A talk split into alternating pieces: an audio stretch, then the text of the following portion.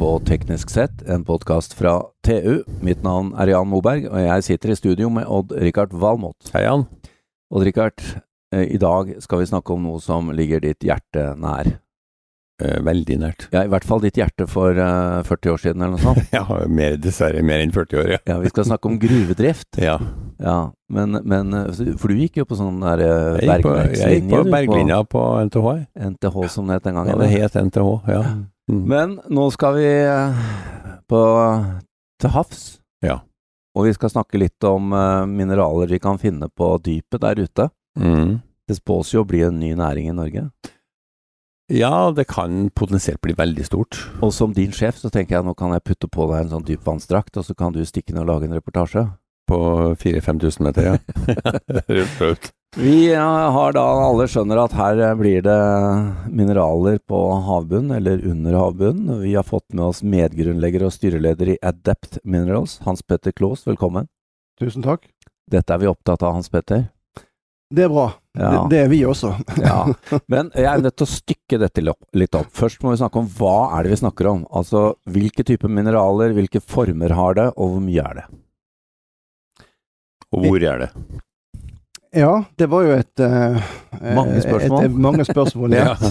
Hva er det? Jo, altså, mineraler Vi uh, For å ta et steg tilbake, så er vi jo uh, gjennom måte, politiske beslutninger og sterk konsensus om å nå vesentlige mål i, i CO2, reduksjon i CO2-utslipp, så skal vi gå fra et fossilbasert energisamfunn til et eh, samfunn drevet av fornybar energi, som i stor grad, veldig stor grad drives av mineraler.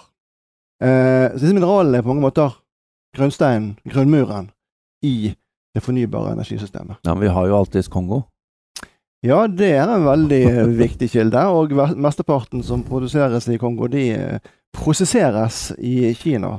Så eh, hvis vi syns at eh, eh, vi har kjent på ubehaget eh, ved at Russland leverer 40% av all gass til EU, så har vi egentlig bare fått en prøvesmak på det som venter oss hvis vi ikke tar grep i forhold til å skaffe oss mer av det vi kaller for kritiske mineraler. Ja, ja. og rapporter om barnearbeid, ikke minst. Ja da. Mm. Ja da, det er stort vannforbruk, det er, det er fjerning av regnskog, det er barnearbeid osv. I forhold til sånn ESG-terminologi så, så scorer det nok jevnt over dårlig mye av de mineralene som utvinnes på land i dag. Og da ser vi til dyphavet. Ja, EU har jo hatt en, en, et arbeid i gang i mange år nå for å se på sin egen forsyningssituasjon, og den er elendig. Mm. Og Norge er et av de land som kan hjelpe til litt, da. Men vi driver jo ikke mye mineralleting på land, vi. Nei, det gjør vi ikke. Og det er vel, vi har betydelige forekomster, men eh, med gruvedrift har vi på mange måter blitt fortrengt eh, av olje og gass. Det er vel veldig mange på, som har studert både på NTH og NTNU, som heller valgte Ja. gass fremfor gruvedrift. Men vi har betydelig kompetanse, og ikke minst også i nabolandet Sverige. Men som du sier, nå ser vi til dyphavet. For både fordi det er mindre aktuelt å utvinne på land, og fordi at behovet er så tydelig. Ja, det er også fordi at på land, de rikeste gruvene, altså de som har størst forekomster, eh, der er konsentrasjonen mye Den er veldig lav, for det er de samme gruvene som ble satt i produksjon for 100 år siden. Mm. Eh, på dyphavet har vi mye rikere forekomster i, større, i, i form av konsentrasjon. Og da, eh, vi snakker om tre typer mineraler, eh, eller tre typer forekomster. Det er såkalte noduler, som ser ut som potet, små poteter, som befinner seg hovedsakelig i Stillehavet, på mellom 4000 Mm. til 6000 meters dyp. Ok, så nodulene er ikke på vår kontinentalsokkel? Det er, Vi har ikke det på norsk sokkel. Det stemmer. Okay. På norsk sokkel så har vi eh, sulfidavsetninger eh, og manganskorpe. Så det er totalt sett tre. Vi har to av de på norsk sokkel.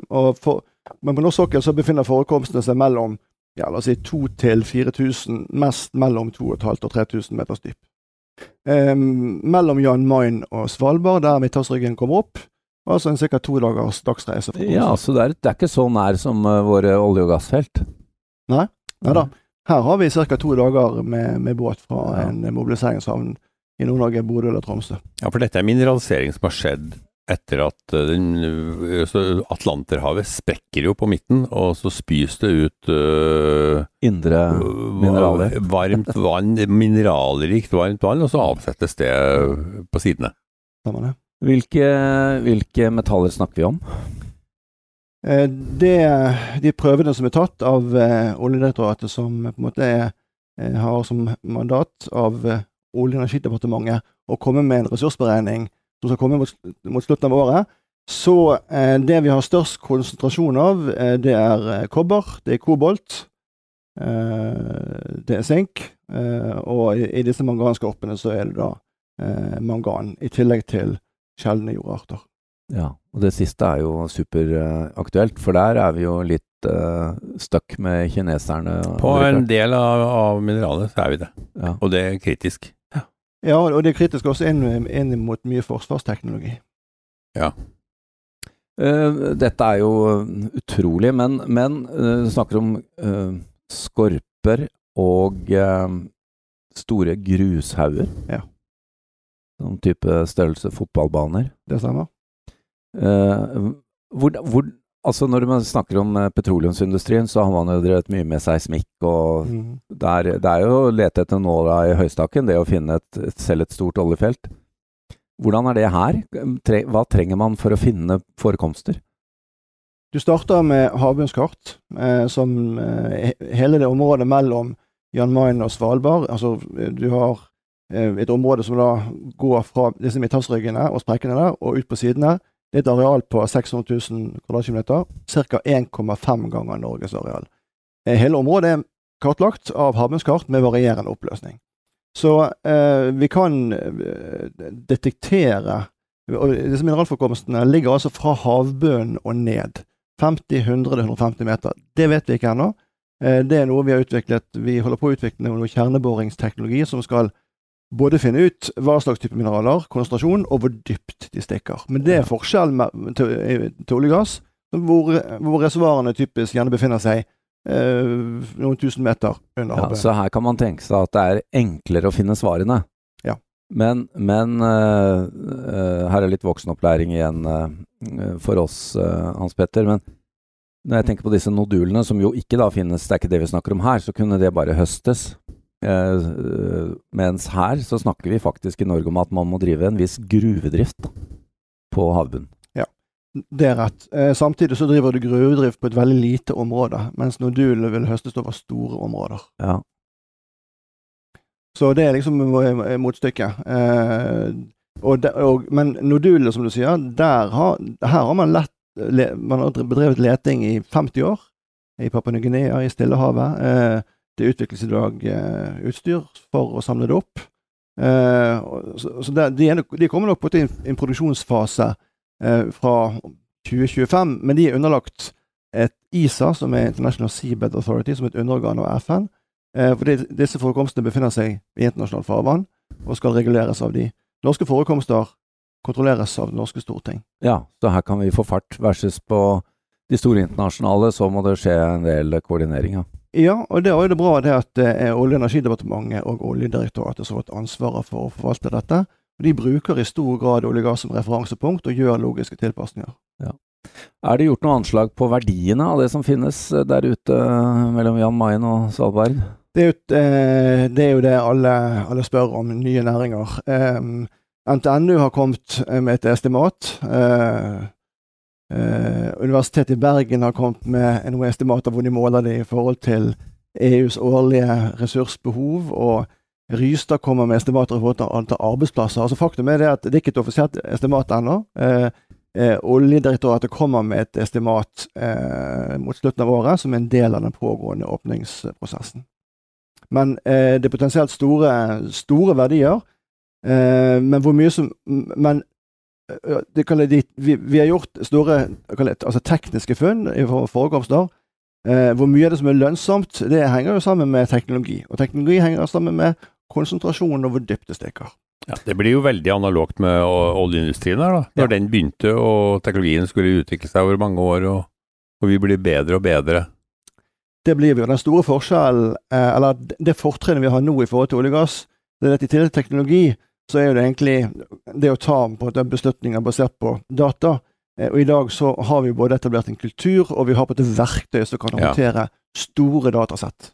Eh, så derfor er det så viktig å samle inn eh, så mye data som mulig, så raskt som mulig, med så lavt avtrykk som mulig. Mm. Det er det vi bruker mye tid. Men alt fra offentlige institusjoner til selve petroleumsindustrien, de står jo egentlig klare, de. Dette, dette er ikke noe som må settes opp helt fra scratch. Dette kan vi bare add on, eller? Dette er, jeg sier at uh, jakten på havbunnsmineraler, det er subsea, norsk subsea-teknologi eh, som møter norsk geologikompetanse. Alt Ja. er der. Det gjelder egentlig bare å sette det sammen på en ny måte.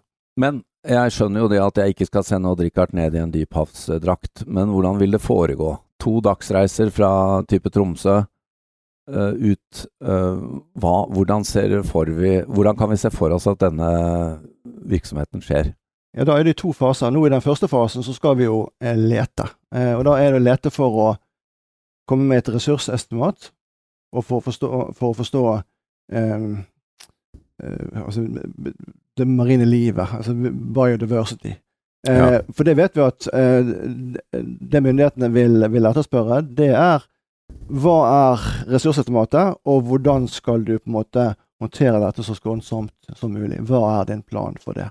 Så i letefasen, som er jo, eh, som er jo så, så handler det om å eh, samle bruke havbunnskart, eh, som historisk har vært samlet inn med type multibeam, altså sensorer montert på skrog. Så går vi over til etter hvert type AUV, altså fjernstyrte eh, svømmende fisker, eh, som skal samle inn eh, data med sensorer. Så skal vi ta kjerneprøver, og det er jo da vi får Vi holder på å utvikle det. Eh, vi skal teste det på, eh, til våren eh, på Monsryggen. Og Monsryggen er da mellom Jan Marien og Svalbard. Eh, og så handler det gjerne om å, å koble det med seismikk, slik at vi Når vi har svaret, så kan vi legge til seismikk eh, for å kartlegge et større område eh, på en veldig effektiv måte. Ja. Og da bruker vi igjen type noder, eh, havbunnsnoder utviklet for olje og gass. Igjen, de fins, de er reitet til 3000-4000 meters dyp. Når vi kommer over i en produksjonsfase, så handler det om å eh, gruvedrift på havbunnen, men hvordan skal vi både klare å flytte store mengder masse fra havbunnen og 3000 meter opp? Mm. Vann det går jo gjerne gjennom i et lukket system, hvor vann i seg selv er drivkraften. Opp til et overflatefartøy. Så skiller man ut deler av vannet som, som sendes ned igjen til det opprinnelsespunktet. Og så går en, en grovmasse inn til land for prosessering. Og prosessering er jo en veldig viktig del av verdikjeden. Så selve prosesseringen vil skje på land? Det gir mening, og det gir mening at det skjer i Norge. Ja. Her har vi fornybar energi. I Nord-Norge så har vi øh, i hvert fall også i Der er den til og med billig. nok, nok, nok fornybar energi. Og så er vi da nært markedet som etterspør mest mineraler, det er Europa. Ja. Hva, når du skal utvinne en, en sånn skorpe, så, så høres jo det kanskje litt enklere ut enn å grave seg 200 meter ned i havbunnen. Men, men dette er, er det grus, eller?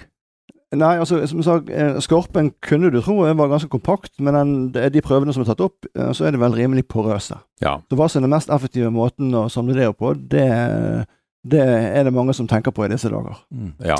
Men skor skorpene har, er da typisk over lengre areal, ja, så kan si, i, Ja. i lengdemeter. Så det er, Ja. det er, to, det, det er to ulike Hvilke dyp ligger de skorpene på, typisk? Eller hvor tykke er de? De tykkeste som er funnet så langt, bare der eh, for, Hadde du spurt meg for to år siden, så hadde jeg sagt 20 cm tykkelse.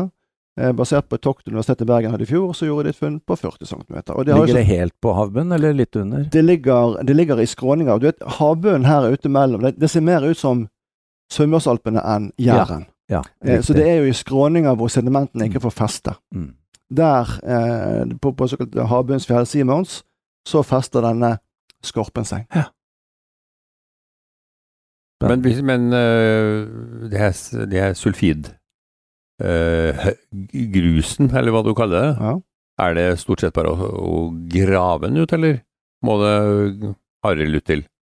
Den er, den er alt annet enn homogen, eh, men dette er jo noe av det vi skal finne ut gjennom gjennom å ta kjerneprøver. Eh, så det er nok, eh, men det er nok mer i graving enn sprenging, hvis det er det du refererer til. Ja. Riktig. Men Hans Petter Klos, hva skjer nå? Altså, hva, hvilket tidsbilde ser vi for oss eh, at eh, dette faktisk er i gang?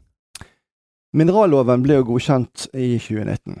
Eh, så, en, eh, så har Olje- og energidepartementet eh, som overordnet eh, myndighet eh, bedt Olje- og energi, eh, Oljedirektoratet eh, lede eh, åpningsprosessen.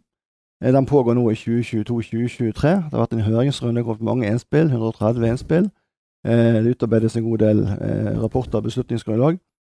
Eh, Både i forhold til ressurser og i forhold til eh, miljømessige konsekvenser av bærekraft. Eh, Så skal det en politisk behandling i det norske Stortinget til, eh, estimert til eh, midt, la oss si sommeren eller høsten 2023.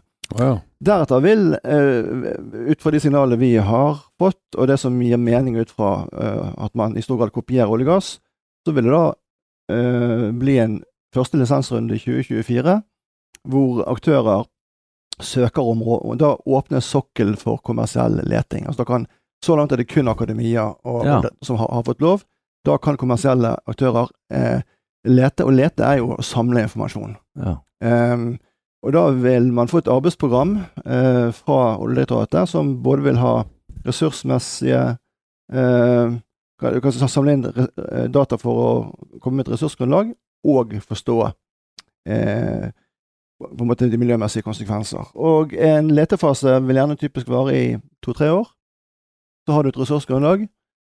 Eh, har en formening om hva slags type teknologi som er best egnet for å produsere og hente det opp. Eh, og da har du en formening om investeringskostnader og driftskostnader, og da kan du gjøre det en formening om, om, om, om det er eh, lønnsomt. Oljealderen om igjen. Det er det, og, og metodikken og på en måte disse beslutningsprosessene er, vil i stor grad være det samme. Det, forskjellen er jo det for øyeblikket har vi mye mindre data. Men som en sånn type indikasjoner Vi, eh, eh, vi eh, ser vi for oss at vi kan se for at uh, første mineral kan produseres rundt 2030, så vi er, har omtrent samme tidslinje som offshore, offshore vind. Ja. Uh, men det er nok det er mange som ikke er klar over. ja, det var mye raskere enn hva jeg ville trodd. Ja. eller tippet på. Mm.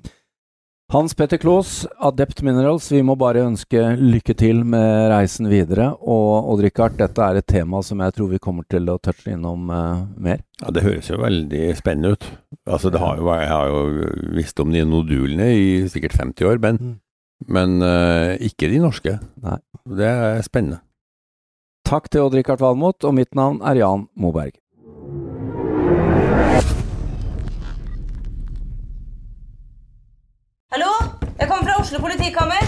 Ine Jansen er purk. Er du purk? The motherfucking bitch. Alt jeg vil, er å finne ut hva som skjedde med mannen min. Jon Carew. Er jeg sikta for noe? Iben Akeli. Det er du. Ole So, Lars Berrum og Big Daddy Karsten. Hvem sin side er du på, egentlig? Anette Hoff, Tone Danielsen, Kommer du fra Afrika? Jørnis Josef, Nesten. Kløfta. Trond Espen Seim, Det er synd å si det, men det var feil mann som døde. Purk. Premiere søndag på TV2 Play. Har du et enkeltpersonforetak eller en liten bedrift? Da er du sikkert lei av å høre meg snakke om hvor enkelt det er å sende faktura med fiken. Så vi gir oss her, fordi vi liker enkelt. Fiken superenkelt regnskap. Prøv gratis på fiken.no. Driver du en liten bedrift? Da tenker du sikkert at dette er en reklame for fiken. Men det er det ikke, for vi er Folio. Folio er en banktjeneste for bedrifter, og vi er fikenbrukerne sin absolutte favoritt. Med Folio får du nemlig en superenkel nettbank og kjappere regnskap. Dessuten får du påminnelser om alt du ellers må huske på.